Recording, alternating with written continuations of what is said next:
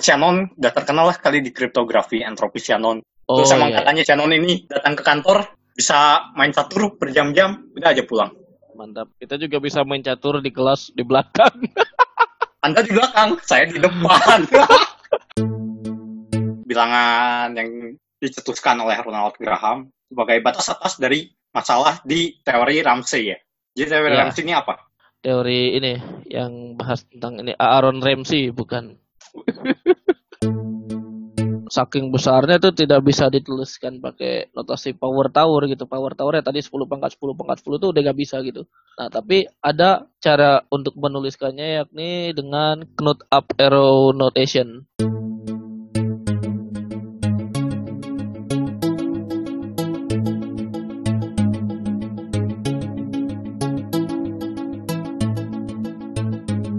Selamat datang di podcast Bebas Linear. Di podcast ini kami membahas matematika dengan gaya bebas namun masih berada di jalan lurus. Iya. Bersama saya Rizky dan partner saya Lawrence. Gimana kabarnya? Masih di rumah aja. Belum ini. Belum nggak balik ke Bandung lagi lu. Gak tahu barang sih masih di sana. Cuma mager ke Bandung juga masih banyak. Menakutkan. Ya sih, kayak oh ya sama gue bareng masih di sana juga ada banyak baju apa gitu gua. Gua tinggal. Sama. kayak kayak dilema anak kosan gitu ya anak kosan kan banyak yang udah balik ke ini terus kontak kontraknya udah habis gitu Ya. Tapi barang masih di sana.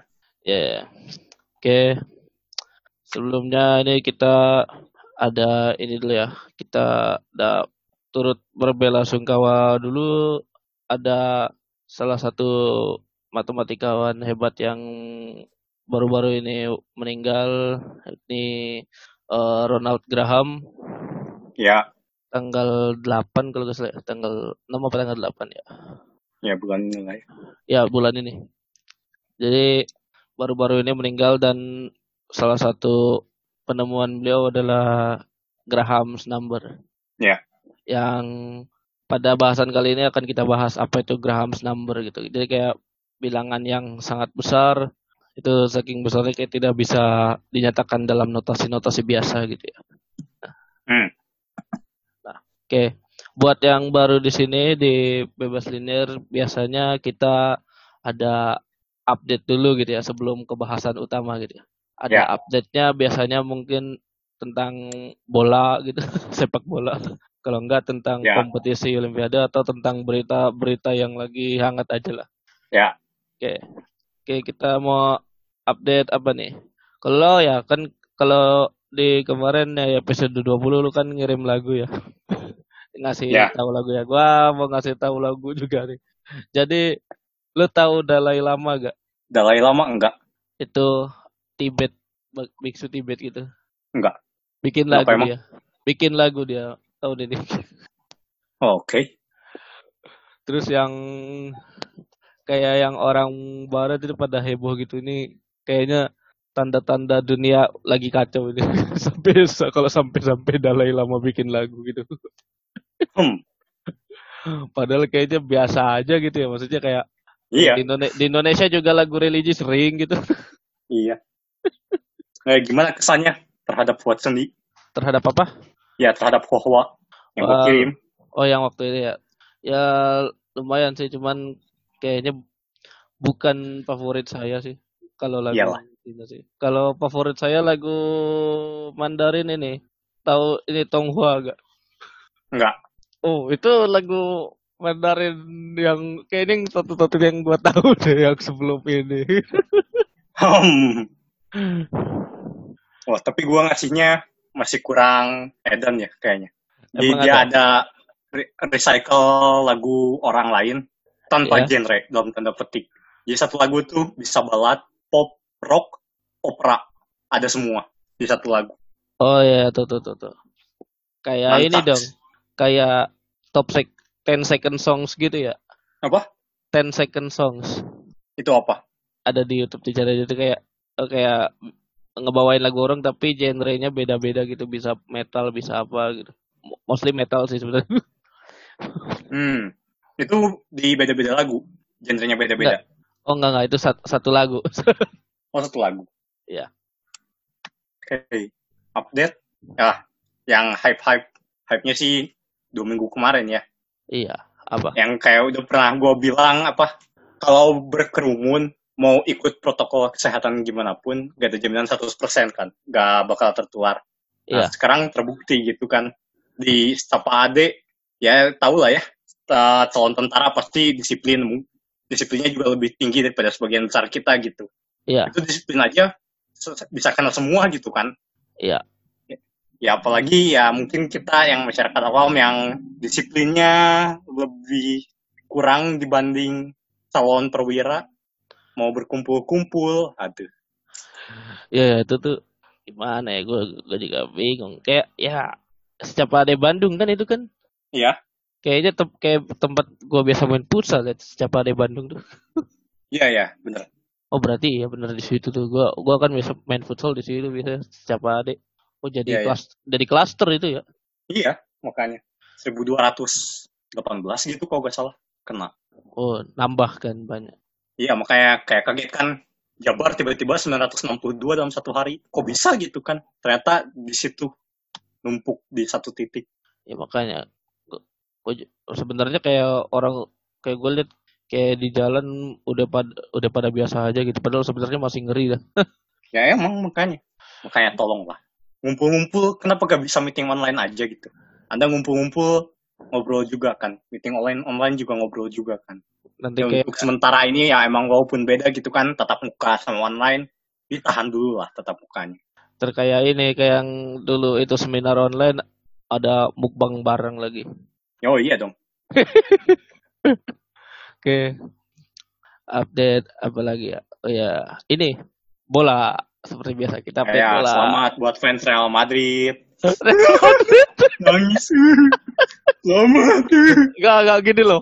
Masalahnya bukan masalah Real Madrid juara, Real Madrid juara tuh kayaknya udah satu langkah gitu ya di depan itu.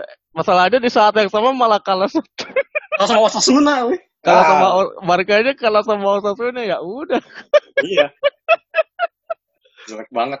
Gila dah itu tuh kalau lihat highlightnya itu yang gol pertama itu Pique ngapain coba Iya, makanya. Aduh. tapi Osasuna gila, gila juga gila juga sih counter attack-nya mantap sih Iya, bisaan. ya makanya Aduh. Tapi untungnya Messi pecah rekor, ye. ya rekor doang Tiga dong. Madrid ya mat, mat, mat, mat- padahal padahal gue kira Madrid kayaknya gak bakalan juara gitu sebelum Covid tuh kan masih Iya, unggul tuh Barca tuh tahu-tahu Barca Ya, serius tapi habis Covid kacau kan mainnya. iya Kata lu. terutama. Aduh. iya ini kata lu Setien out apa Mas dibiarin aja di ini aja dipertahankan aja nih di Barca nih Eh, Bartomeu out sih. oh Bartomeu out. kan pemilunya tahun ini kalau gak salah Iya, kalau nggak salah kan harusnya tahun ini ya. iya ya, pemilu semoga pada pinter lah pemilu buat ketuanya. Bartomeu.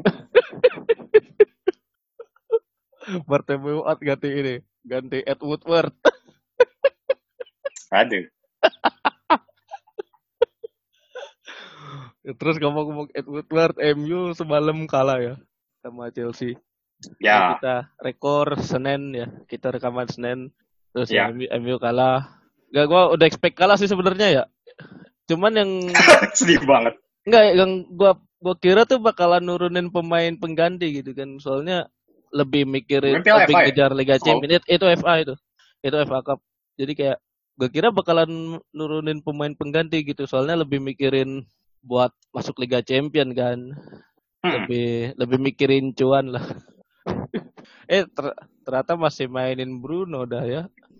Iyalah. Oh gitu maksudnya maksudnya kalau udah kalau udah tahu kalah mah gak, gak usah mainin Bruno gitu harusnya mainin Lingard aja Lingard mata kayak yang jarang main tuh. Iya, kenapa sekarang sih jarang main? Kalau gua main di FIFA 18 masih kenceng tuh Lingard. Nggak Lingard emang kenceng cuman ya gitu kayak kadang suka aneh aja gitu. Oh iya. Cukup berarti pelatihnya. Ya kali ya. Di FIFA serem. Yang seru nih sebenarnya yang Liga Champions soalnya kemarin kan sempet tuh ada Chelsea kalah, Leicester kalah.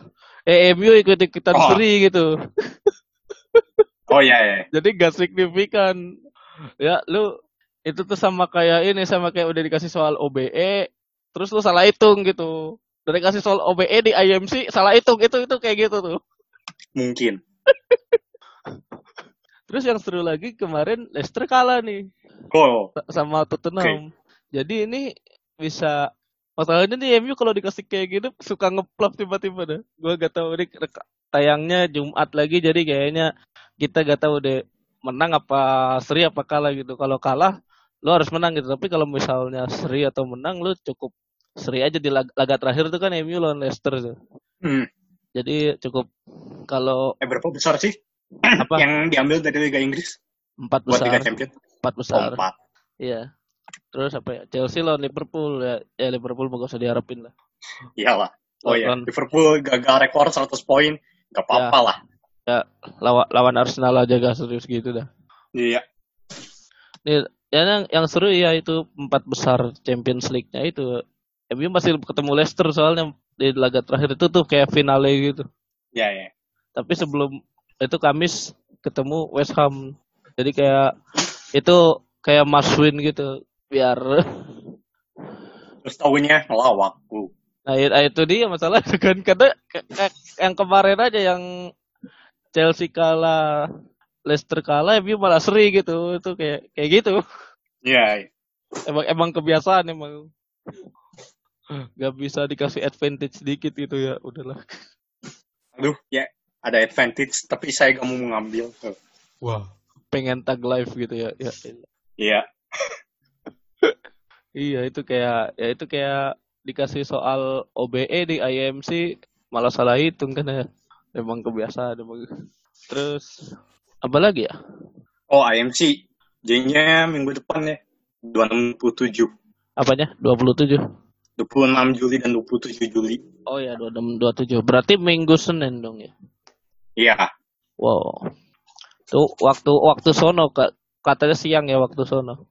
Eh, sesuaiin aja sama negara masing-masing. Oh, kirain. Katanya apa? eh, koordinatornya disuruh menyesuaikan dengan waktu masing-masing. Terus soalnya berkurang ya. Dari per hari 5, sekarang jadi 4. Jadi 4 soal 4 jam. Biasanya kan 5 soal 5 jam. Ya. Tetap aja sih. Kan soalnya kapita selekta gitu. Iya, iya. Kadang ada ada gabungan ini sama ini gitu. Ada gabungan kompleks sama aljabar gitu. Sudah biasa. Sudah ya gitulah tipe-tipe soal IMC.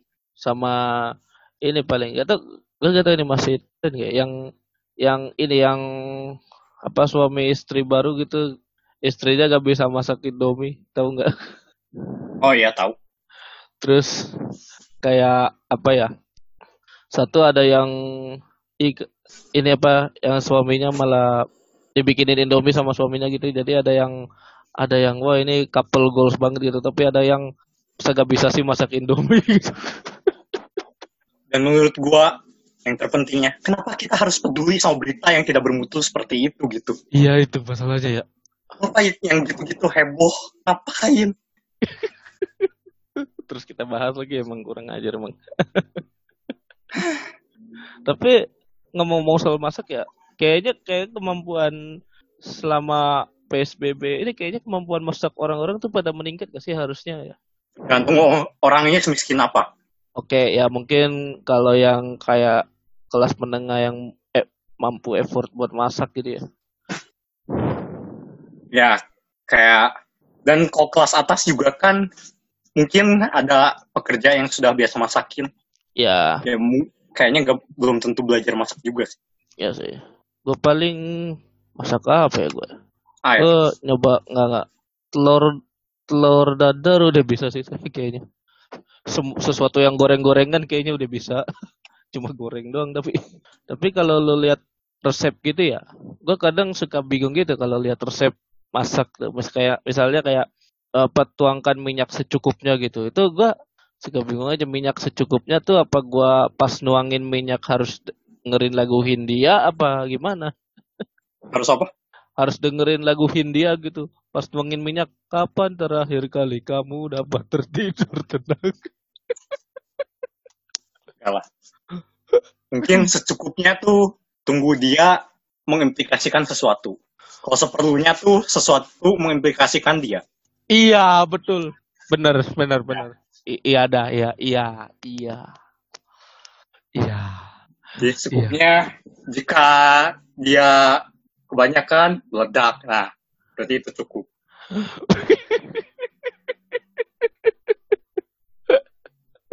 Kenapa mesti Kalau seperlunya jika kita butuh maka tuangin, nah itu seperlunya. Kenapa mesti nunggu meledak dong? Ya kan cara cukup. Iya, iya, iya. Sama ini deh, satu fakta unik lagi deh. Terakhir deh sebelum ke bahasan utama nih. Jadi fakta uniknya adalah eh, ternyata mantan istrinya Bung Karno, salah satu mantan istrinya Bung Karno, ada yang jadi youtuber di Jepang. Hah? Baru tahu speed fake ini tadi pagi, sumpah. ini fakta yang gue baru tahu tadi pagi, jadi kayak mantan istrinya Bung Karno jadi youtuber di Jepang. Nenek-nenek. Iya nenek-nenek udah 72 tahun. kayak ya, 70-an tahun. Isi YouTube-nya apa? Gak, gak, gak ngerti sih bahasa Jepang, cuman nama channelnya kalau gak salah ini Lady Dewi Channel. Oke. Bahasa Jepang tapi gak, gak ngerti saya. Tuh. Speed fake random untuk hari ini. Kalau lo ada update Ya. lagi gak? Update apa lagi? Oh, kan Pak. Ada simulasi dulu. Ada. Terus oh ya, KN MIPA ada insiden ya katanya ya. Insiden apa? Yang itu. Oh ya ya ya. yang belum sempat daftar tapi nggak tahu Ya, tapi di websitenya tulisannya terima kasih Anda telah terdaftar. Padahal penutupannya jam berapa? Website macam apa itu? Iya iya iya. Cukup kali ya update. Ya udahlah. Gila, udah mantap. Oke, hari ini kita mau bahas apa nih? Mau bahas bilangan-bilangan besar yang cukup terkenal dan mungkin ada signifikansinya. Ya. Jadi kita akan bahas bilangan-bilangan besar. Maksudnya gini, kan kalau bilangan ka- katakanlah bilangan asli gitu, kita bisa perbesar sebanyak mungkin gitu. Jadi kayak ada Ya, kan untuk bilangan asli. ada tak hingga banyaknya. Iya, jadi kayak kalau misal kita punya n, kita bisa punya n plus satu gitu ya. Hmm. Nah, tapi ada beberapa bilangan besar yang punya signifikansi tertentu gitu di suatu karya ilmiah atau di paper gitu. Dalam hal apakah karena dia merupakan suatu batas bawah atau batas atas dari suatu masalah Hmm. atau signifikansinya karena ada beberapa bilangan yang memang tidak bisa ditulis dalam sesuatu kali 10 pangkat n gitu. Atau bahkan power tower kayak 10 pangkat 10 pangkat 10 pangkat 10 itu udah gak, gak bisa ditulis dalam bentuk gitu lagi. Ya. Tapi tetap diberi nama karena ya tadi signifikansinya dalam suatu permasalahan gitu. Ya. Nah, salah satunya ya tadi yang udah kita bahas sekilas tadi Graham's number itu tapi nanti, itu akan kita bahas nanti sekarang kita akan bahas bilangan-bilangan besar yang ordernya masih masuk akal gitu masih 10 pangkat sesuatu Hmm. oke kalau misalnya pas masih kecil bilangan yang yang menurut lu gede tuh se- se- segede apa gitu Nggak tahu. Tidak terlalu memikirkan. ya maksudnya kan kayak kan pas masih kecil jajan gitu jajan pegang duit gitu kan kalau Ya. gua dulu kayak gua mikirnya dulu sejuta aja udah gede kan Oh. Ah. ya gitu maksudnya gue punya duit sejuta ya gue kaya gitu dulu padahal kalau lu pikir-pikir UMR mah cuma 4 juta Oh. Ya ya. Ya gua nggak tahu waktu kecil kayaknya jarang jajan. Apalagi pas SD kayaknya nggak nggak pernah jajan. ya Soalnya duit bawa jaga-jaga tapi dibawain bekal dari rumah. oh ya gua nggak dibawain bekal sih gua Oke. gue jadi jajan di luar gue jajan ini apa laba-laba Oh. Ya. ya. Nah, kalau tadi kita bilang ada apa jutaan gitu duit Indonesia tuh sebenarnya kayak salah satu ini paling lemah nggak sih maksudnya? Bisa dibilang soalnya kalau duit lain tuh kayaknya kita megang nggak kayak megang satu dolar gitu. Itu Ya, Itu kayak- udah 14 kayak dua- iya udah 20 belasan ribu 10 du- 10 sampai 20 ribu. Satu euro 20 ribu gitu atau 17 ribu lah. Ya, apalagi euro. maksudnya kayak duit apa tuh yang dulu duit Bulgaria tuh namanya apa lev lev leva itu satu satu leva tuh 8 ribu gitu Iya, udah naik kan 8 ribu. iya, iya maksudnya Padahal 2015 aja masih 6 ribu gitu.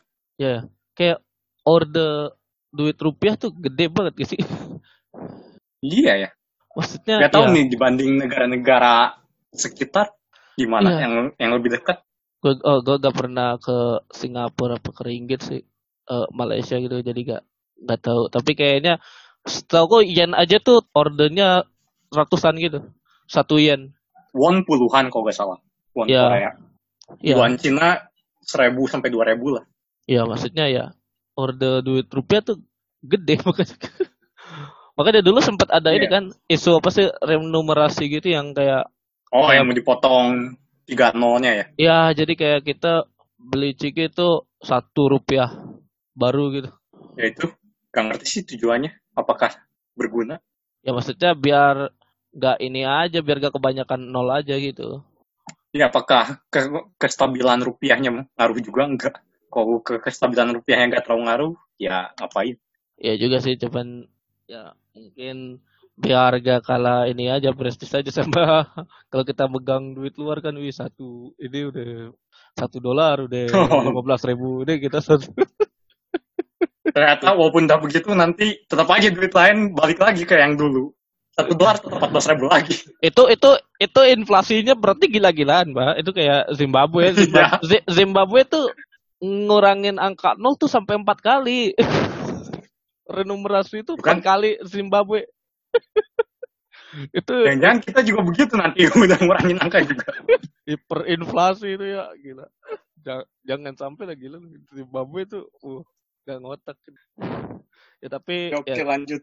ya jadi kit- tadi kan kalau kita apa uang yang cukup besar itu sejuta aja udah lumayan besar gitu ya Ya. tapi nih nah terus sejuta itu kan sama dengan 10 pangkat 6 ya nah Hmm. terus kalau bahasa Inggrisnya adalah eh, million Hmm.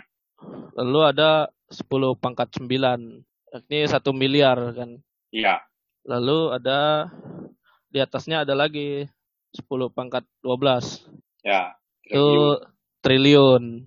Nah, sisanya udah mulai ngitung aja tuh. 10 pangkat 15 kuadriliun. Setiap loncat tiga mulai ngitung tuh Kua- triliun, kuadriliun, kuintiliun. Kuintiliun tuh 10 pangkat 18 terus ngitung lagi apa namanya sextiliun, septiliun, oktiliun, noniliun, desiliun.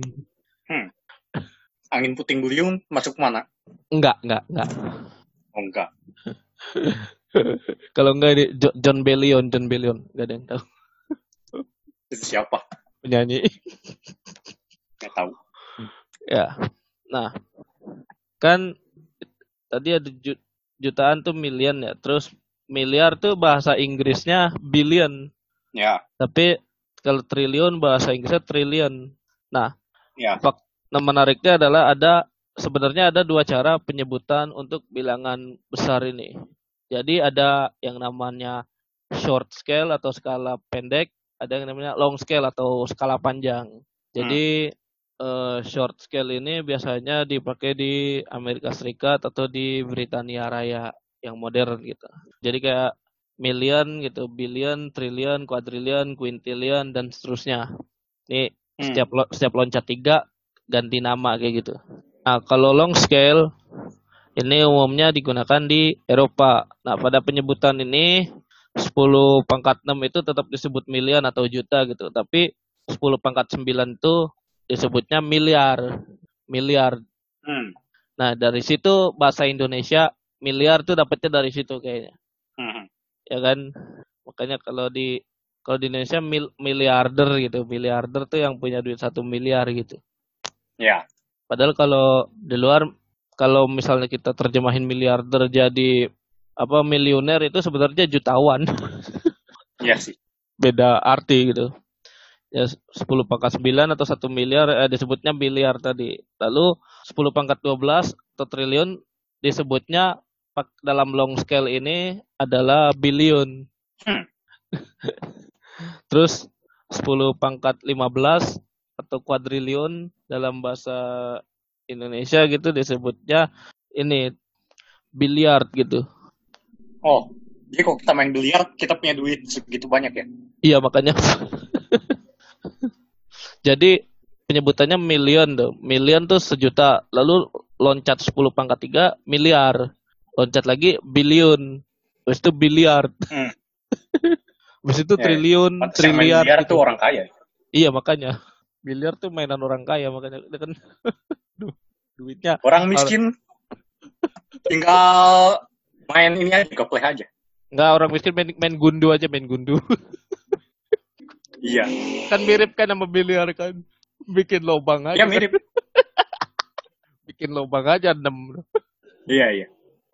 Nah, itu makanya sempat ada miskonsepsi juga apakah bilioner, apakah triliuner yang benar gitu. Itu dari perbedaan short scale dan long scale itu.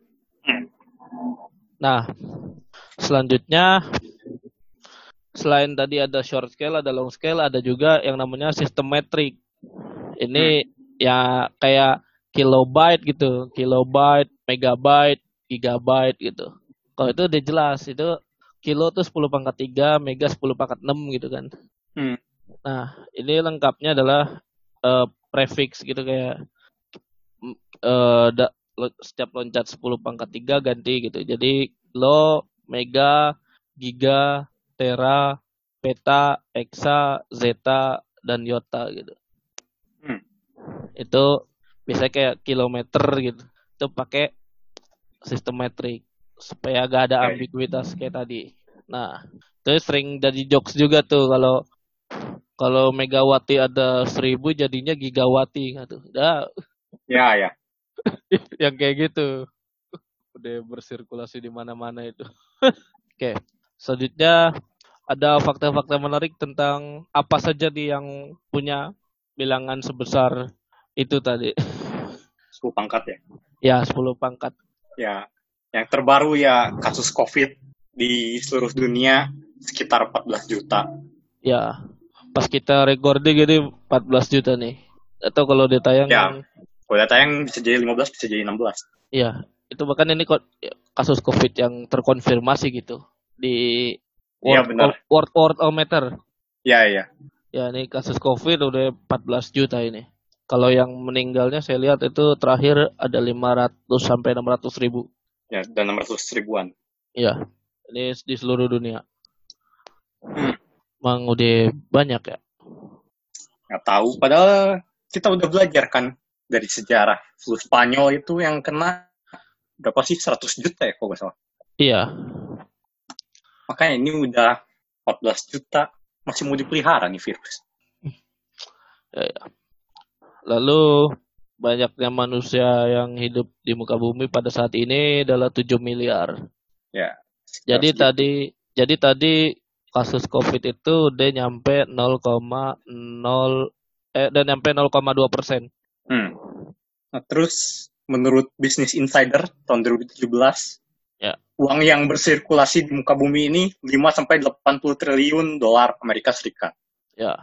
Kalau ya tadi dari uang kertas atau uang ini aja sekitar 5 sampai 10 lah. Tapi kalau dihitung sama cek bank deposito gitu sampai 80 triliun gitu. Itu jumlah uang yang ya, ya. bersirkulasi.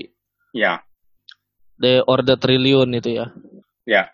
Jadi effectively kalau misalnya satu orang pengen jadi kalau misalnya dibagi rata tuh, jadi kayak satu orang tuh cuma punya sepuluh ribu US dollar, tapi banyak juga sih itu.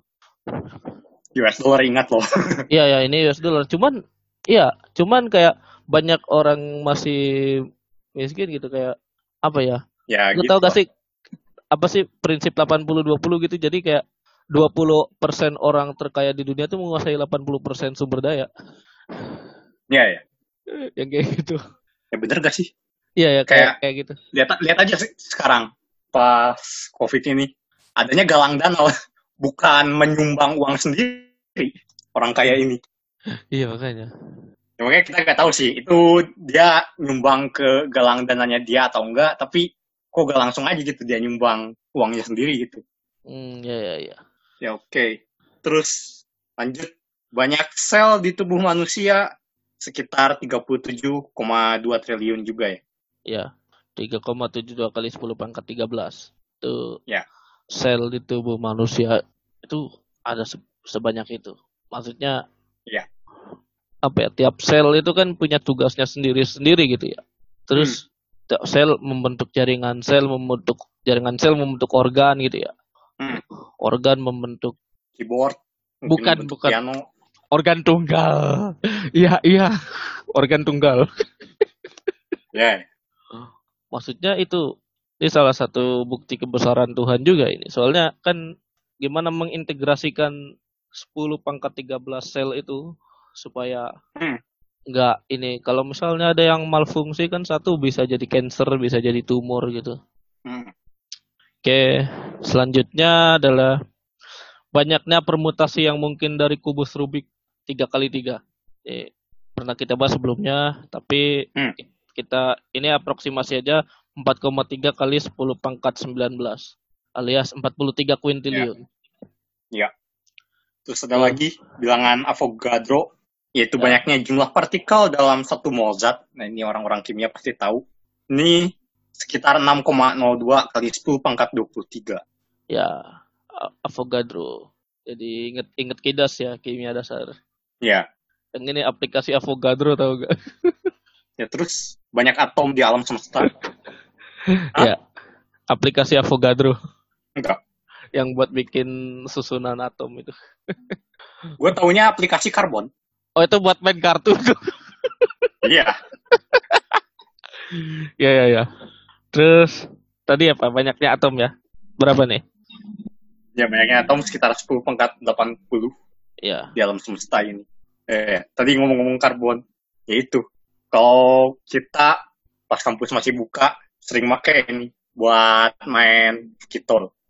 Ya buat, buat main tahu nyawa kita sisa berapa. ya buat main ohel ya. Ya. Terus cara nentuin siapa yang mulai pertama, gak usah pakai home pimpah, sudah ada aplikasinya, Suazi. Cuma sih ya tuh semacam RNG gitu kan Iya. buat Daripada home pimpah gak kelar-kelar, sama lagi, sama lagi, sama lagi. Suazi sekali kelar. ya ya. Lo kalau Pimpa jadi inget Doraemon itu Doraemon ikut main home Pimpa kalah mulu. Ya iyalah. Langsung keluarin kertas aja. Ya. Oke. Lalu tadi banyaknya atom di alam semesta 10 pangkat 80 kan. Aproksimasi sekitar itu. Ada bilangan yang sangat remarkable namanya bilangan Google. Nah, ini bilangannya sebanyak 10 pangkat 100 dan ini ya seperti kita mungkin udah pada tahu ya. Ini adalah cikal bakal dari nama mesin pencari Google. Hmm. Apakah website yang ada diperkirakan segitu? nggak tahu juga sih. Lalu tadi kita punya bilangan Google atau 10 pangkat 100, ada juga bilangan Shannon, yakni batas bawah dari banyaknya permainan catur yang mungkin gitu. Ya. Jadi ini sebesar 10 pangkat 120. Ya. Jadi Kenapa dinamakan bilangan Shannon? karena yang Karena- nemu, iya yang nemu kan itu. Ya, dan Shannon udah terkenal lah kali di kriptografi, entropi Shannon. Oh Terus emang iya. katanya Shannon, Shannon ini datang ke kantor, bisa main catur berjam-jam, udah aja pulang. mantap. Kita juga bisa main catur di kelas di belakang. Anda di belakang, saya di depan. Enggak lah, bukan saya itu. Iya, saya. Main catur berempat. Di suatu mata kuliah. Yang begitulah Anda tahu. Yang legend dosennya. Ya, Ledger main catur di depan. Di Main belakang, catur berempat, pakai HP sih. di belakang sudah biasa di depan. Ya dong. Sama itu berarti ya ini sebenarnya kayak pengen membuktikan bahwa lo hampir gak mungkin lah kayak main catur tuh diapalin algoritmanya gitu. Enggak. Soalnya emang ada bisa macem-macem geraknya gitu. Nggak Hmm, kayak Paling kan yang tuh. soalan tuh bukaan bukaan sampai udahlah rapat itu uh, udah Iya. ke sananya tergantung situasi. Tergantung i- gimana situasi mikirnya kan. Iya. Nggak kayak waktu itu yang kita bahas itu TikTok tuh gitu. Kalau TikTok tuh kan bisa dibikin ininya bagannya permainannya kayak apa. Iya. Oke. Terus ada juga bilangan prima terbesar diketahui saat ini, yakni ordernya adalah 10 pangkat 24 juta. Ya. Jadi bilangannya sih sebenarnya dua pangkat 80 jutaan dikurang satu gitu. Hmm. Ini ordernya udah 10 pangkat 24 juta. Hmm. Nah, terus ada lagi Google Plex ya tadi dari Google tapi kita mainnya 10 pangkat si Google-nya. Ya jadi 10 pangkat 10 pangkat 100 gitu. Jadi kayak Ya. bilangannya tuh 10 s- kayak ini pas satu terus nol nol nol nolnya ada sebanyak Google Ya. nolnya ada s- 10 pangkat 100 Ada hubungannya sama Eduplex enggak ya? enggak enggak enggak sama ini triplex triplex Ngeplex. ya ampun Ya, Oke. oke itu bilangan-bilangan yang masih dalam tanda petik masuk akal yang bisa ditulis dalam 10 pangkat sekian. sebenarnya yang kedua ini juga masih bisa sih bis ini masih bisa ditulis dalam 10 pangkat sekian Ya. Tapi sudah jauh lebih besar dibanding yang terakhir. ya Jadi ini ada bilangannya namanya bilangan Skews, Skewes. ya Ya, penemunya Stanley Skews. Ini adalah batas atas bagi bilangan terkecil. Sehingga banyaknya prima yang kurang dari sama dengan X lebih besar dari Li X ya.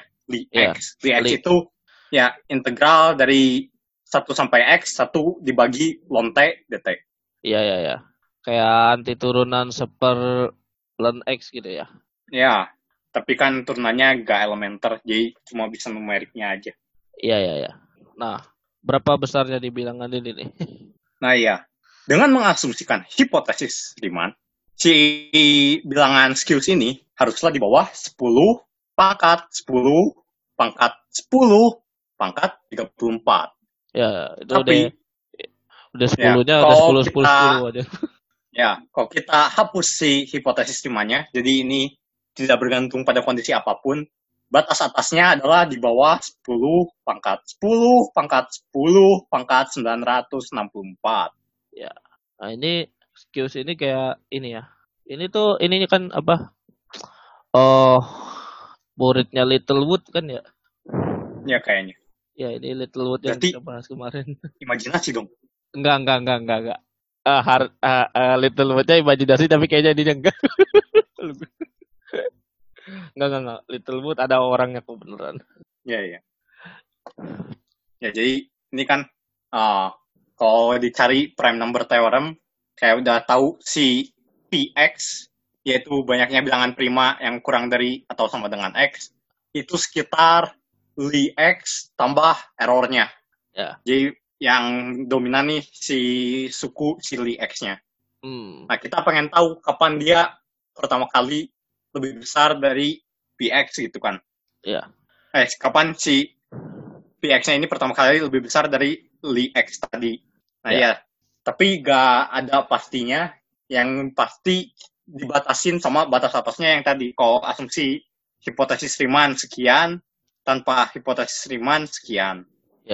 Soalnya ya itu Nah, terus kenapa Hmm. ada hubungannya sama hipotesis Riemann kayaknya uh, estimasinya pakai ini kan pakai ya deret kan gitu kan hipotesis Riemann uh, menentukan si errornya berapa kan. ya hipotesis Riemann benar, error error terbaiknya sekian. Kalau hipotesis Riemann tidak benar, nggak tahu karena nggak tahu si akarnya nih kalau nggak di garis kritikal, kalau bukan di realnya sama dengan setengah, di berapa gitu yang paling besarnya. ya nah tapi ini ada remark lagi nih abis ini nih jadi Ya, karena penggunaan komputer udah makin ekstensif gitu ya. Kita bisa nyari Hmm. akar-akar dari fungsi Riemann zeta gitu lebih akurat lah. Nah, Hmm. ini batas batas atasnya bisa direduksi jadi berorder 10 pa- 10 pangkat 316 saja gitu. Jauh turunnya. Ya, ma- ya makanya walaupun pada awalnya memang diprediksi udah 10 pangkat 10 pangkat 10 pangkat berapa tadi Ya. 964. Ya. Ya. Nah, itu kan masih kita masih bisa nulis ini dalam 10 pangkat 10 pangkat 10 pangkat 10 nih. Walaupun melelahkan. Walaupun ya baru empat kali santai. Nah, Iya. Abis ini kita udah mu- mulai masuk ke bilangan yang sebenarnya masih hingga tapi udah gak bisa ditulis dalam 10 pangkat 10 pangkat 10 pangkat 10 lagi. Ya, karena kita nggak tahu ini 10 pangkatnya berapa gitu. iya. Jadi jadi ini yang tadi bilangan yang dicetuskan oleh Ronald Graham ya, sebagai batas atas dari masalah di teori Ramsey ya. Jadi teori Ya. Ramsey ini apa? teori ini yang bahas tentang ini Aaron Ramsey bukan. Masih di Arsenal. Udah di Juventus sekarang. bukan, bukan. Jadi Ramsey teori biasanya tentang graf kan itu? Ya. Jadi kayak yang saya inget tuh kalau Ramsey itu tuh ini apa sih kalau misalnya ada graf komplit 6 titik gitu ya. Jadi kayak grafnya terhubung semua gitu. Satu titik Hmm. tuh terhubung ke lima titik lainnya gitu. Jadi kalau ada graf komplit 6 terus sisinya kita warnain merah atau biru gitu. Pasti ada segitiga biru atau segitiga merah. Hmm. Ya kan? Hmm. Nah, Ya, yang lebih umumnya Ramsey K, L. Ya artinya kalau apa bilangan asli n terkecil. Sehingga kalau kita punya graf lengkap dengan banyak titiknya n, ya graf lengkap berarti ada sebanyak n kali n min 1 dibagi dua sisi. Iya. Terus kita warnai secara acak gitu, pakai biru merah. Pasti ada graf lengkap uh, warna biru ukuran K atau graf lengkap warna merah ukuran L gitu. Nah, ini orang-orang pada nyari-nyari nih. R K, L ini berapa sih pastinya? Ya. Lupa eksplisitnya tuh kalau nggak salah masih R4,4 atau R4,5 gitu. ya. Yang atas, yang lebih tinggi lagi belum ada eksplisitnya kalau nggak salah. Kalau yang tadi apa yang R33 ya? Ya, R33 tuh 6. 6. Itu jadi kan tadi ada graf 6 lengkap, ada graf lengkap bertitik 6 gitu. Itu kan kalau kita warnain biru sama merah ada segitiga biru, ada segitiga merah yang ya kayak bisa diinterpretasikan sebagai kalau misalnya ada enam orang gitu, pasti ada tiga di antaranya yang entah saling kenal atau saling tidak kenal gitu. Ya, Kan kalau misalnya kita saling kenal itu biru, kalau saling nggak kenal itu merah, berarti kan kalau segitiga biru tuh berarti saling kenal kan tiga-tiganya gitu. Hmm. Kalau segitiga merah nggak nggak saling kenal gitu tiga-tiganya. Hmm. Nah, kenal nih relasinya timbal balik ya. Ya, tim, Kalau tahu relasinya tidak timbal balik. ya, Jadi jangan bilang, oh saya kenal artis ini. Kan artinya aja belum tentu kenal lu. iya. kalau tahu tahu artis ini, ya mungkin. Nah, itu baru boleh. Ya maksudnya itu kenal kenal tuh maksudnya kenal dekat lah gitu. Ya. Lalu kalau bilangan Graham ini sebenarnya masalah di Ramsey teori yang mana nih? Nah, kalau si Graham nih, dibikin grafnya di kubus berdimensi n. Oh ya. Ya, jadi yang bisa kita gambar, yang bisa kita bayangkan, di, cuma dimensi 3, dimensi 4 ke atas. Tolong diimani. Iya. Jadi kayak misal punya kubus di dimensi n, terus kita bikin graf lengkap dari kubus itu ya. Kalau kubusnya berdimensi 3 kan berarti ada 8 titik, nah bikin graf lengkap dari 8 titik itu. Kalau dimensi 4 ada 16 titik ya. Iya. Jadi gambar graf lengkap di 16 titik itu. Nah terus kayak biasa warnain merah atau biru. Hmm. Nah sekarang berapa n minimal sehingga tiap perwarna, pewarnaan pewarnaan acak merah biru itu mengandung subgraf empat titik lengkap yang sebidang dan berwarna sama. Jadi sebidang dan berwarna sama tuh kayak bayang- bayangin kalau di ruangan eh terus ya anggap aja di diagonal diagonalnya nih ada tongkat atau apa kayak kalau misalnya di lantai atau di tembok tuh garis-garis Hmm. Kalau misalnya diagonal ruang ada tongkat atau apalah. Pokoknya itu ketutup aja semua jadinya lengkap bikin graf lengkap. Nah, terus warna ini si garis-garisnya pakai merah atau biru secara acak sama tongkat-tongkatnya juga merah atau biru secara acak. Nah, maksudnya mengandung subgraf empat titik lengkap yang sebidang dan berwarna sama ya di di dinding kayak contohnya di dinding pas diwarnai eh merah semua gitu. Yang langit-langit garis langit-langit di dinding depan kita merah ke bawahnya merah di lantainya merah ke atasnya lagi merah gitu. Jadi gak Ya. boleh di dinding yang di depan kita sama yang di samping. Nah itu udah beda sisi ya udah beda bidang udah bukan sebidang yang sebidang tuh kayak yang di depan kita doang atau yang di samping kita doang di belakang kita doang. Dan kalau misalnya termasuk diagonal nanti kayak bikin pers- persegi panjang belah ketupat dan semacamnya lah. Nah itu juga sebidang kan. Ya, kayak bisa bilang kayak bikin kotak terus ada silangnya gitu kan. ya bikin kotak ada silangnya. Jadi Ya, harus harus bentuknya kotak. Gak boleh nga- ngacak-ngacak sana sini. Ya. Itu kita nyari dimensi minimal kan berarti kan. ya Ini kan sebenarnya batas atas ya, tapi batas atas yang dipropos oleh Ronald Graham ini saking besarnya itu tidak bisa dituliskan pakai notasi power tower gitu. Power tower ya tadi 10 pangkat 10 pangkat 10 itu udah gak bisa gitu. Hmm. Nah, tapi ada cara untuk menuliskannya yakni dengan knot up arrow notation. Ya. Ini knot up arrow notation itu adalah notasi dari Donald Knuth ya, K N U T H. Ya. Yang temannya John Conway itu. Hmm. Ini untuk menyatakan sebenarnya kayak hyper oppress, hyper oppression gitu ya. Hmm. Jadi kayak kayak kan kalau misalnya pertambahan kan misalnya perkalian kan pertambahan berulang gitu ya. Ya gak? Ya. Kalau perpangkatan kan asli ya operasi di bilangan asli lah. Perpangkatan kan perkalian berulang gitu kan. Ya. Kayak dua pangkat tiga tuh dua kali dua kali dua. Nah, kalau misalnya perpangkatan diulang-ulang tuh kayak gimana jadinya? Nah ini Ya. yang disebut hyper operation gitu. Jadi knot up arrow notation ini pakai tanda panah ke atas gitu. Jadi notasinya seperti ini. Eh kalau misalnya saya tulis A panah atas B gitu atau mungkin biar singkat A panah B aja gitu ya.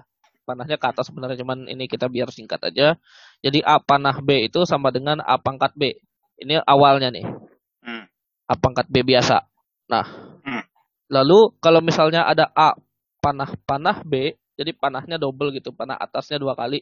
A panah atas panah atas B, maka ini sama dengan A panah dalam kurung A panah dalam kurung A panah lalu terus A-nya tuh nanti jadi kayak A panah A panah A panah A gitu. Panahnya tuh eh, A-nya tuh ada B B buah gitu. Hmm. Atau panahnya ada B min satu buah. Ya. Nah, o- karena kan tadi panah itu kan perpangkatan ya. Hmm. Karena perpangkatan itu kan sebenarnya nggak ini ya, nggak asosiatif ya nggak sih? Iya benar.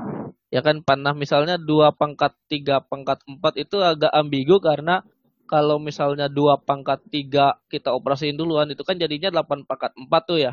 Ya. Atau Tapi dua kalau dua dipangkatin tiga pangkat empat kan jadinya dua pangkat 81. Iya itu beda. 8 pangkat 4 sama 2 pangkat 81 itu 2 pangkat 12 kan yang satunya kan. 8 pangkat Iya. 4 kan 2 pangkat 12 sama 2 pangkat 81 itu beda. Jadi kayak 2 pangkat 3 pangkat 4 tuh agak ambigu. Nah, jadi dalam hal ini A pangkat A pangkat A pangkat ini yang paling kanan dioperasiin duluan. Ya. Terus yang habis dioperasiin ke yang sebelah kirinya, sebelah kirinya gitu. Terus. Ya. Contoh nih, contoh-contoh. Contohnya adalah eh, dua panah panah tiga gitu, dua panah double tiga. Ini akan sama Hmm. dengan dua panah dalam kurung dua panah dua gitu. Jadi kayak dua panah dua panah dua, tapi dua panah dua yang di kanan ini dioperasiin duluan. Hmm. Dua panah dua kan tadi yang di kanan itu kan dua pangkat dua ya, dua pangkat empat kan. Eh dua pangkat dua tuh empat kan. Jadi dua panah dua panah dua ini sama dengan dua panah empat. Hmm. Lalu dua panah empat adalah dua pangkat empat sama dengan 16. Ya.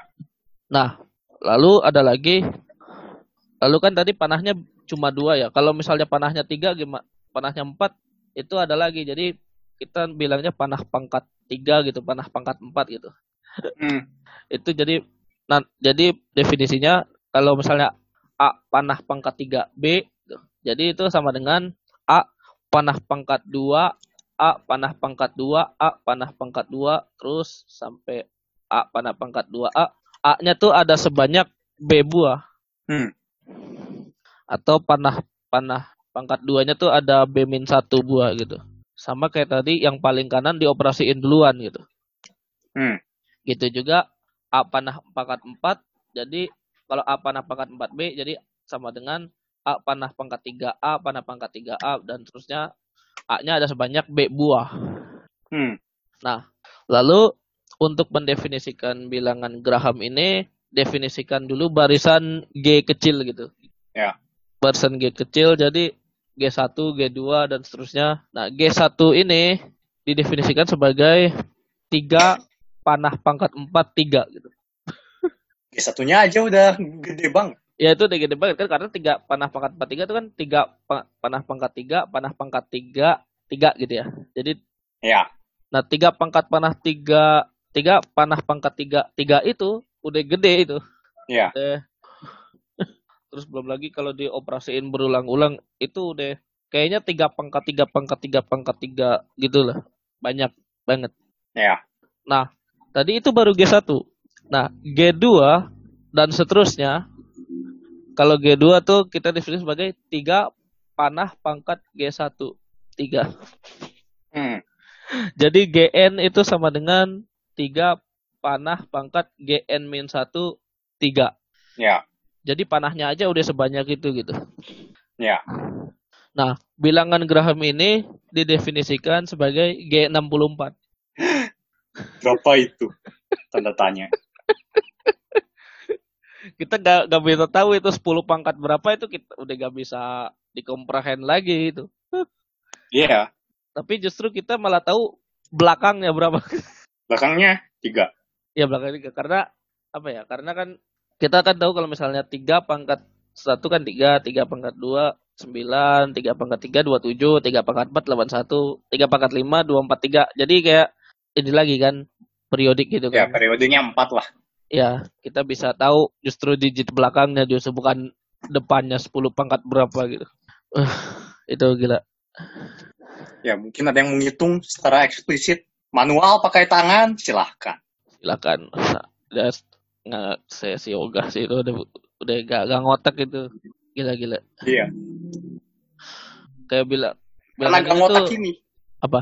Masuk masuk Guinness Book of World Records. Iya.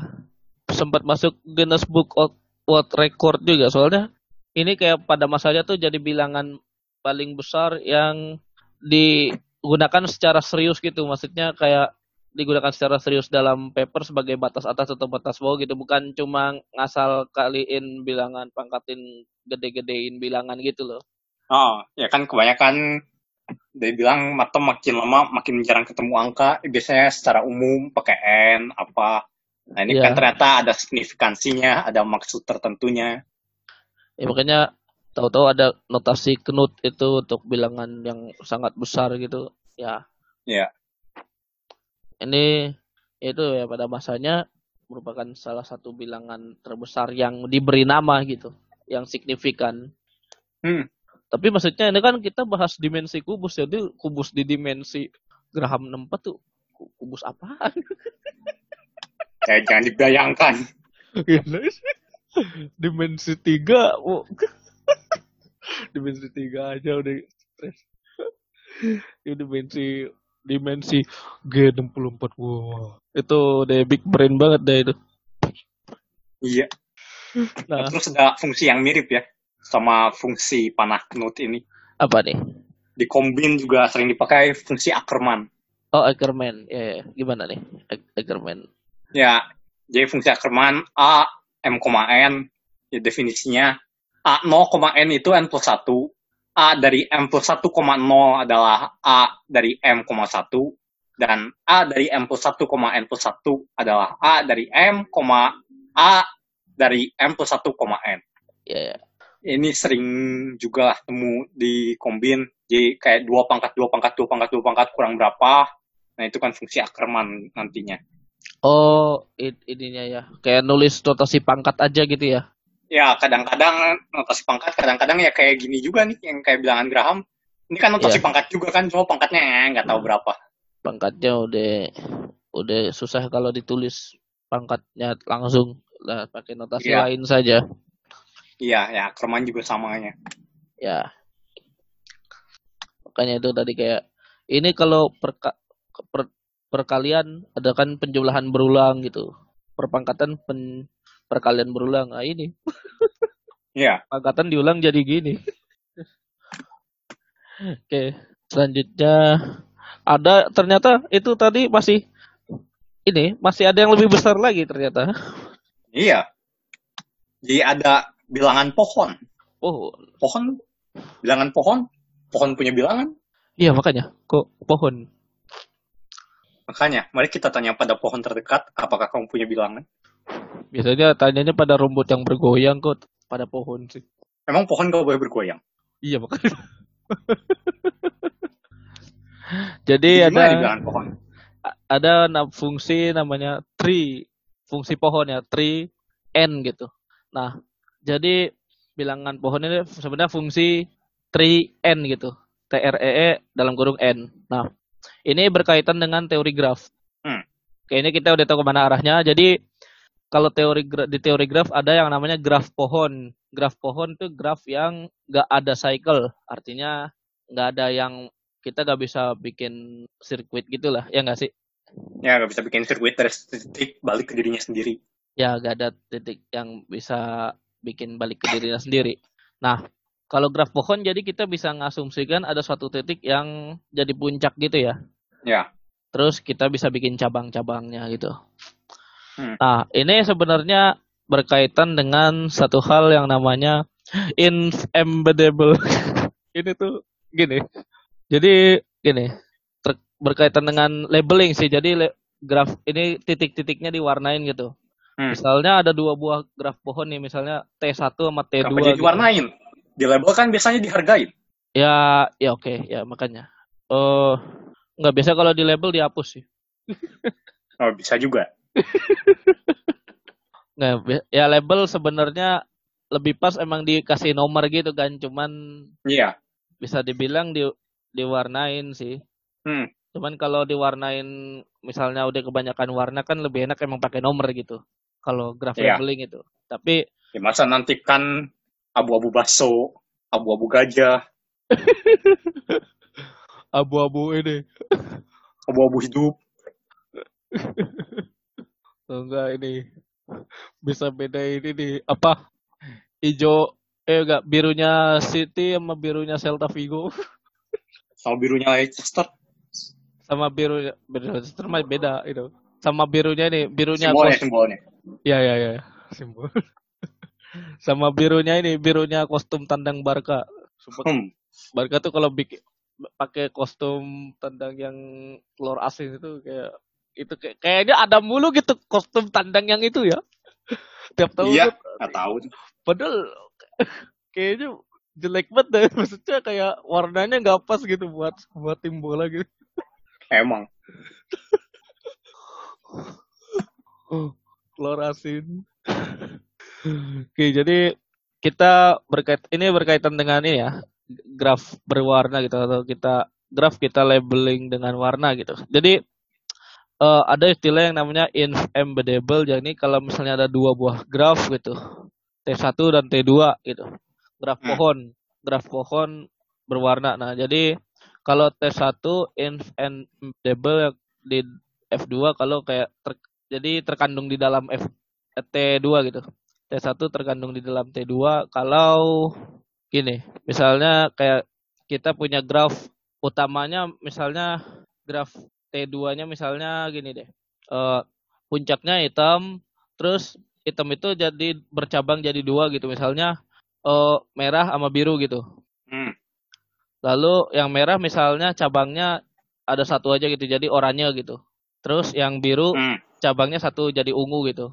Jadi ada lima Hmm. titik empat. Jadi ada lima titik empat garis gitu. Nah, lalu misalnya T1-nya kita bikin adalah hitam, puncaknya hitam lalu cabangnya merah dan biru. Maka itu embeddable karena kita bisa karena seolah-olah terkandung di dalam situ kan kan yang lebih besarnya kan tadi hitam, bawahnya merah dan biru, terus merahnya jadi oranye, birunya jadi ungu gitu kan. Ya. Nah, lalu kalau misalnya ada graph gini, puncaknya merah gitu. Puncaknya merah, ya. cabangnya dua tuh, biru dan ungu gitu. Itu enggak hmm. embeddable karena karena kita nggak bisa bikin merah bercabang jadi biru dan ungu gitu di situ. Hmm. Nggak nggak masuk. Tapi kalau misalnya itu hitam, atasnya hitam, cabangnya dua, oranye sama ungu. Itu masih embeddable karena dari hitam ada yang ke oranye, dari hitam ada yang ke ungu gitu. Walaupun harus hmm. lewat merah, harus lewat biru gitu. Hmm. Jadi kira-kira ilustrasinya seperti itulah. Ya. Nah, fungsi 3n ini adalah sebagai berikut gitu. Kita definisikan fungsinya sebagai bilangan m terbesar. Jadi bilangan m yang paling besar sehingga ada barisan graf pohon T1, T2 sampai Tm yang diberi n warna. Jadi n-nya ini adalah banyaknya warna. Dan TI ini punya maksimal I titik. Hmm. Sehingga tidak ada graf dengan nomor yang lebih rendah embeddable ke graf yang nomornya lebih tinggi. Hmm. Jadi tidak nomornya lebih rendah gak boleh terkandung di dalam graf yang nomornya lebih tinggi. Kayak ya. T, 1 gak boleh terkandung di T2 T, sampai TM gitu. T2 gak boleh terkandung di T3 sampai TM gitu. Nah ini hmm. bilangan terbesar M-nya yang mungkin ini. Hmm. Berapa banyak barisan yang kita bisa bikin gitu. Jadi kayak sebenarnya ini kayak permainan gitu kayak misalnya kalau misalnya kita punya satu warna aja kan ini kan N-nya kan bergantung pada warna ya. Nah, ya. kalau misalnya satu warna, maka satu kita aja. Ya, kita satu aja. Maka kar karena misalnya kita bikin graf kan TI itu graf T1 tuh cuma boleh satu titik ya, T2 cuma boleh maksimal dua titik gitu. Iya. Ya maksimal tiga titik. Jadi kalau misalnya kita udah T1-nya misalnya warnanya warna biru gitu, ya T2-nya mau gak mau harus biru karena kita cuma bisa pakai satu warna. Iya, dan, dan itu ada di T2 kan. Iya, dan itu udah T1 udah masuk ke T2, terkandung di dalam T2. Iya. Jadi nggak bisa. Jadi emang paling panjang hmm. satu aja. Hmm.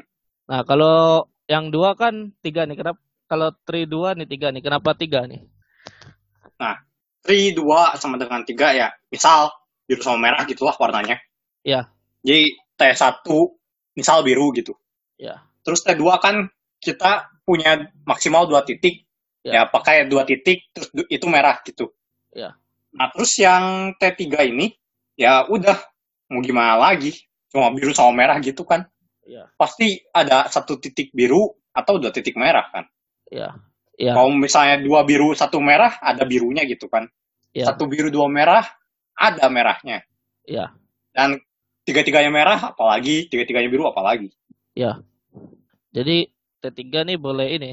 Kan tadi T3 boleh tiga war boleh tiga titik dua titik satu titik kan maksimal tiga ya ya Jadi, tapi pasti milihnya yang maksimal lah ya harusnya gini sih kayak T1 kan tadi kan biru ya nah T2 ya. nih gak boleh berarti kan karena biru udah dipilih di T1 kita gak boleh mirip biru di T2 T3 T selanjutnya kan iya makanya harus merah semua T2 harus merah semua kan ya nah T2 T boleh dua titik boleh satu titik kan ya Oke, kita milih satu titik deh. Kalau kita milih satu titik merah berarti biru merah T3 udah habis dong. Ya, T3-nya udah habis. Makanya kita pilihnya dua titik tadi titik merah. merah. Ya, dua titik merah. Tapi nah T3 kita boleh milih satu titik merah, dua titik merah, tiga titik merah kan. Tapi karena Ya. Tapi kalau ada biru merah, aja kan selesai gitu kan. Iya. Tapi kalau T3 kita milih dua titik merah atau tiga titik merah, tadi yang si T2 tuh dua titik merah itu masuk ke dalam T3. Hmm. Jadi kita cuma punya pilihan satu titik merah. Ya, tapi ada biru. Ya. Nah, Berarti baru T1 termasuk dalam T3 kan? Oh, enggak, enggak. Kan T3 kita bisa milih satu titik merah. Jadi T1 Oh ya ya. T1 satu titik biru, T2 dua titik biru, eh dua titik merah. T3 satu oh, iya, titik benar. merah nih. Itu masih masih jalan nih. Nah, baru T4. Ya, masih jalan tapi di selanjutnya selesai. Ya, di T4, T4 kan. Gak bisa biru gak bisa. mau biru mau merah karena dua titik ini udah kepake semua nih. Ya. Soalnya udah ada satu titik biru, satu titik merah, mau diwarnain gimana pun pasti ada biru atau merah kan. Merah ya, karena kita cuma boleh pakai N-nya dua gitu, dua Hmm. warna. Nah, Ya, ya. Yang mengejutkan adalah kalau tiga, kalau kita pakai tiga warna, ternyata ini membesar. Dan diperkirakan batas bawahnya, batas bawah loh ya, bukan batas atas. Iya, Tadi kan eh, Graham number G64. iya, Ini ad- diperkirakan batas bawahnya G dari 3 panah 187.196 3. iya. Jadi Udah nggak tahu berapa itu. Iya makanya barisan grahamnya indeksnya aja udah tiga panah panah udah pangkat Graham ya. lagi. Udah, Ya, udah pakai panah lagi. udah pakai panah pangkat lagi indeksnya. Itu baru indeks. Apalagi Iya. kalau udah disubstitusi ke barisannya. Udah, Iya, itu oh udah, udah, udah sangat membesar itu. Makanya siapa tahu ada yang tertarik mau nyari, dipersilahkan. Makanya itu makanya kayak ternyata padahal satu cuma satu ya. Kalau satu warna game gitu paling panjang satu. Dua warna game itu paling panjang Tiga. tiga ya. Ternyata kalau tiga warna gamenya bisa oh bisa sampai Iya, soalnya bisa ke mana-mana sih bener kalau tiga ini. Iya, kalau tiga gamenya bisa sampai ke mana-mana. Merah biru kuning kan udah uh. Uh, bisa gak, gak habis-habis. Iya. Oke, silahkan lah. Kalau yang mau dicoba aja. Kalau ya ini game-gamenya bagus juga ini kayaknya. Cari Oh yang enggak sih. Anda tua cuma buat main game ini doang. iya. nah oke. Tadi Tri ini udah bilangan batas bawahnya aja bilangan barisan Graham yang indeksnya udah pakai panah. Iya.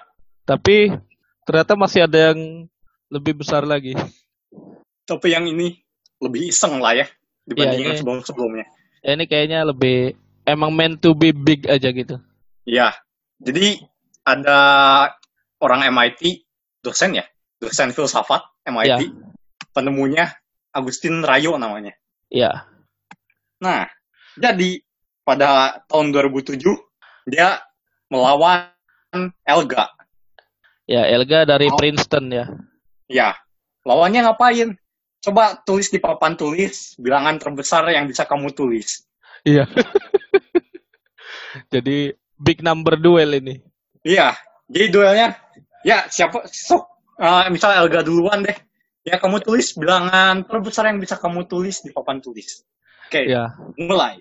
Jadi ini, eh kalau mau pakai notasi gak masalah gitu. Jadi kayak misal tiga faktorialnya banyak banget itu juga gak masalah. Ya, Jadi gak harus berupa angka, bisa simbol-simbol, bisa panah, bisa panah knut, terus terus aja panah, panah, panah, panah, panah, panah terus aja.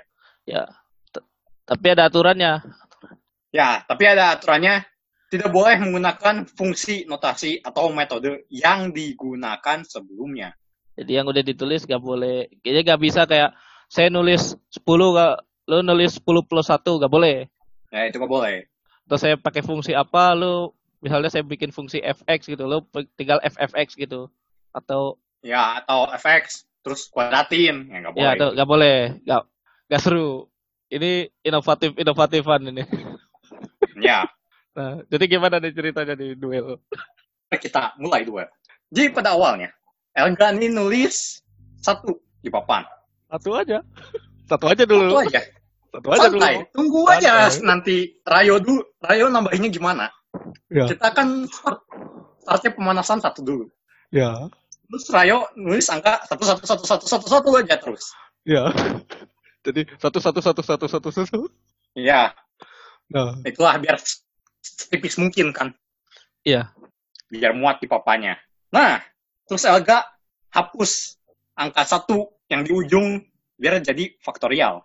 Iya. Dia tanda seru. Jadi udah seru. Nah, ujung-ujungnya sampai mereka nyiptain notasi sendiri. Iya. Dan pada akhirnya Rayo yang menang. Jadi Rayo menangnya gimana nih? Nah, Rayo menangnya kayak gini nih. Jadi mereka definisiin kayak gini. Si notasi yang mereka bikin baru ya, definisinya tuh bilangan terkecil yang lebih besar dari tiap bilangan yang dapat dinamai dengan ekspresi yang ditulis dalam first order set theory dengan menggunakan 10 pangkat 100 simbol atau kurang. Iya. Jadi ada yang namanya first order set theory. Nah, ini Ya, ini biasa ya. Kayaknya Godel deh. Kalau udah ini. seteori seteori ini. Godel. Ini kan sebenarnya ini kayak ada yang namanya eh, paradoks apa gitu, paradoks. Saya lupa namanya paradoks apa, tapi ada paradoks yang Hmm. bunyinya gini. Kalau misalnya saya bikin bilangan gini, misalnya saya bi- bilangan misalnya bilangan Rizky gitu adalah bilangan yang lebih besar daripada semua bilangan yang bisa ditulis dengan 15 huruf atau kurang gitu. Hmm. Dalam bahasa Indonesia misalkan. Hmm. Pasti itu lebih besar dari sejuta gitu, lebih besar dari satu miliar, Hmm. lebih besar dari satu triliun, tapi si bilangan Rizky ini cuma 4 13 huruf. Hmm. Jadi sama paradoksikal kan kalau pakai bahasa Indonesia gitu. Ya, ya. Nah, si karena oh saya nggak bisa nih pakai bahasa Indonesia nih. Oke, saya pakai bahasa yang udah pasti aja apa ya? Oh, pakai bahasa set teori. Iya. bahasa teori himpunan. Nah, ngomong-ngomong soal bahasa teori himpunan ini, kalau misalnya kita mau nulis angka 0 pakai bahasa teori himpunan, itu kayak bahasa teori himpunan kayak misalnya ada himpunan yang ada untuk setiap ada gitu, untuk setiap ada Hmm. Ada X1, X2 gitu. X1-nya kayaknya free set eh, itu gak ngerti lah. Cuman tapi kayak pakai simbol-simbol yang ada aja gitu. Itu Hmm. kita nulis 0 itu angkanya tuh ada 10 simbol. Coba buat tulis no. iya, cuma buat nulis 0 pakai 10 simbol di set first order set teori ini. Nulis angka kerja. 1, nulis angka 1 38 simbol. Ngapain? Nah, tapi kalau misalnya kita mau nulis bilangan-bilangan besar kayak tadi misalnya 3, 3 gitu. Hmm. Itu kita bisa definisiin fungsi di first order set teori itu lalu kita bisa bikin itu dengan simbol yang nggak perlu 10 pangkat 100 gitu. Hmm. Atau ada yang namanya ini BC Beaver function. Hmm. BC Beaver function tuh Turing machine ya. Jadi kayak Ya. karena Turing machine itu kan kita bisa bahasakan pakai first order set teori gitu. Jadi kita bisa tulis itu BC Beaver function itu ku sekitar sejutaan simbol di first order set teori. Nah, dan BC Beaver function ini fungsi yang tumbuh lebih cepat daripada tree daripada yang tadi. Dari tiga aja udah segitu. Ya, tapi BC Beaver tuh masih bisa ditulis kurang dari 10 pangkat. Jadi ini tuh emang bilangan gede yang emang di ya emang saya definisikan biar gede aja gitu. Ya inilah duel tidak jelas. Maksudnya tadi lalu nulis apa atom aja 10 pangkat 80 ya di alam semesta ya. Ini lu mau pakai satu atom kapur gitu buat satu simbol gak, gak cukup gitu loh. Oke. Jadi bilangan Rayo nih apakah ada di kereta? Apa ya? Dengan lagu-lagu Hey Rayo, Hey Rayo. Itu bis. Oh, bis. Ya Allah. Itu bis. ada di bis. Gak. Jangan ada di bis. Ada aja di ini di Madrid, di Madrid. Rayo Rayo Vallecano. Oh, ada tuh. Jadi ya ini berawal dari lu bahkan kalau lu cari aja gitu MIT number duel gitu apa Rayo number duel gitu itu ada posternya kayak poster tinju gitu. Hom. apa Agustin apa Ra- Rayo melawan Adam Elga. Kayak gila-gila. Ini orang, orang kepikiran aja bilang kayak gini. Dan ini bahkan sebenarnya ada suksesornya nih bilangan Rayo ini namanya Bigfoot. Bigfoot tuh jadi first or first udel first or, order udel teori gitu jadi kayak apa ya set teorinya dikembangin lagi gitu Aduh. tapi tetap aja itu kalau menurut aku kurang orisinil gitu dibandingin Rayo tadi Ya. itu ya dan Rayo tadi kayaknya memanfaatkan ini memanfaatkan paradoks tadi kalau paradoks tadi kan kalau pakai bahasa yang ada di dunia gitu bahasa semantik itu kan bisa jadi paradoks gitu kalau ini oh saya pakai bahasa yang udah pasti aja gitu saya teori gitu Ya. oke ada lagi gak nih Gak ada sih. Ya, tapi meskipun itu tadi bilangannya sangat besar ya. Cuman kalau misalnya dibandingin Transfinite Number atau Infinity gitu, dia masih sebenarnya masih lebih dekat ke nol ya, masih dekat lebih dekat ke nol daripada ke Aleph nol gitu. Iya. Karena bagaimanapun ya ini masih bilangan hingga gitu. Oke, sudah nggak ada lagi ya? Gak ada sih. Apa mau duel lagi anda? Nggak, nggak, nggak, nggak, nggak, nggak, nggak. Dua. Bilangin. Oh, kayaknya gue punya ide. Kita Apa? kontak Rayo dan Elga. Gelutnya di Bistayo aja. Nggak, nggak duelnya, duelnya jangan bilangan besar, bilangan kecil sekarang. Tinggal kasih minus. Nggak, nggak, bilangan kecil yang dekat ke nol. Orde kecil, Tinggal kasih seper. bener juga. ya, ya, ya. Oke, kayaknya menarik juga ya. Ada, ya, jadi tadi ini bahasan tentang bilangan-bilangan hingga yang besar gitu ya. Yang beberapa Yang ada yang berguna. Dan ya, yang terakhir tidak berguna. yang terakhir itu kayaknya iseng aja gitu. Tapi ya itu dia. Ada beberapa bilangan yang bahkan saking besarnya tidak bisa ditulis dengan notasi biasa gitu.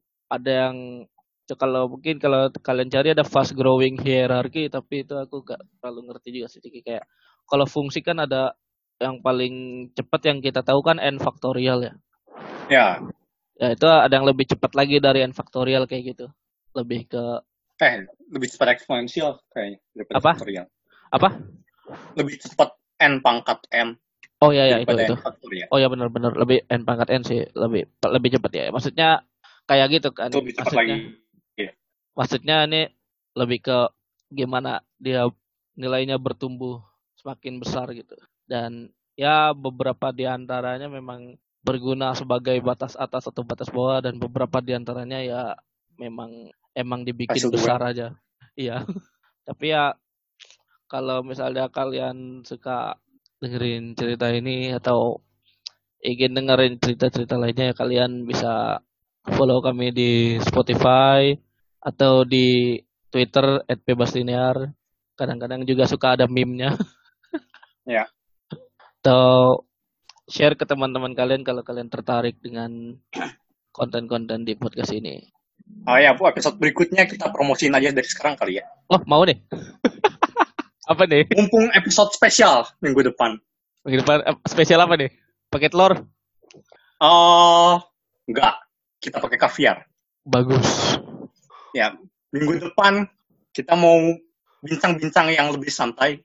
Jadi Ya. kita mau ngumpulin alumni-alumni IMC.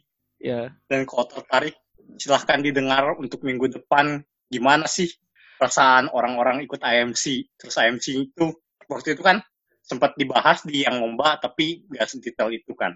Iya, ini Kita bakal bahas lebih detail lagi dengan lebih banyak alumni IMC yang terlibat. dan lebih banyak dibahas. Oh, jelas. Mantap, mantap itu buat episode berikutnya ditunggu di minggu depannya ya. Ya. Oke. Oke. Terima kasih atas perhatian Anda dan sampai jumpa Ya. di episode berikutnya.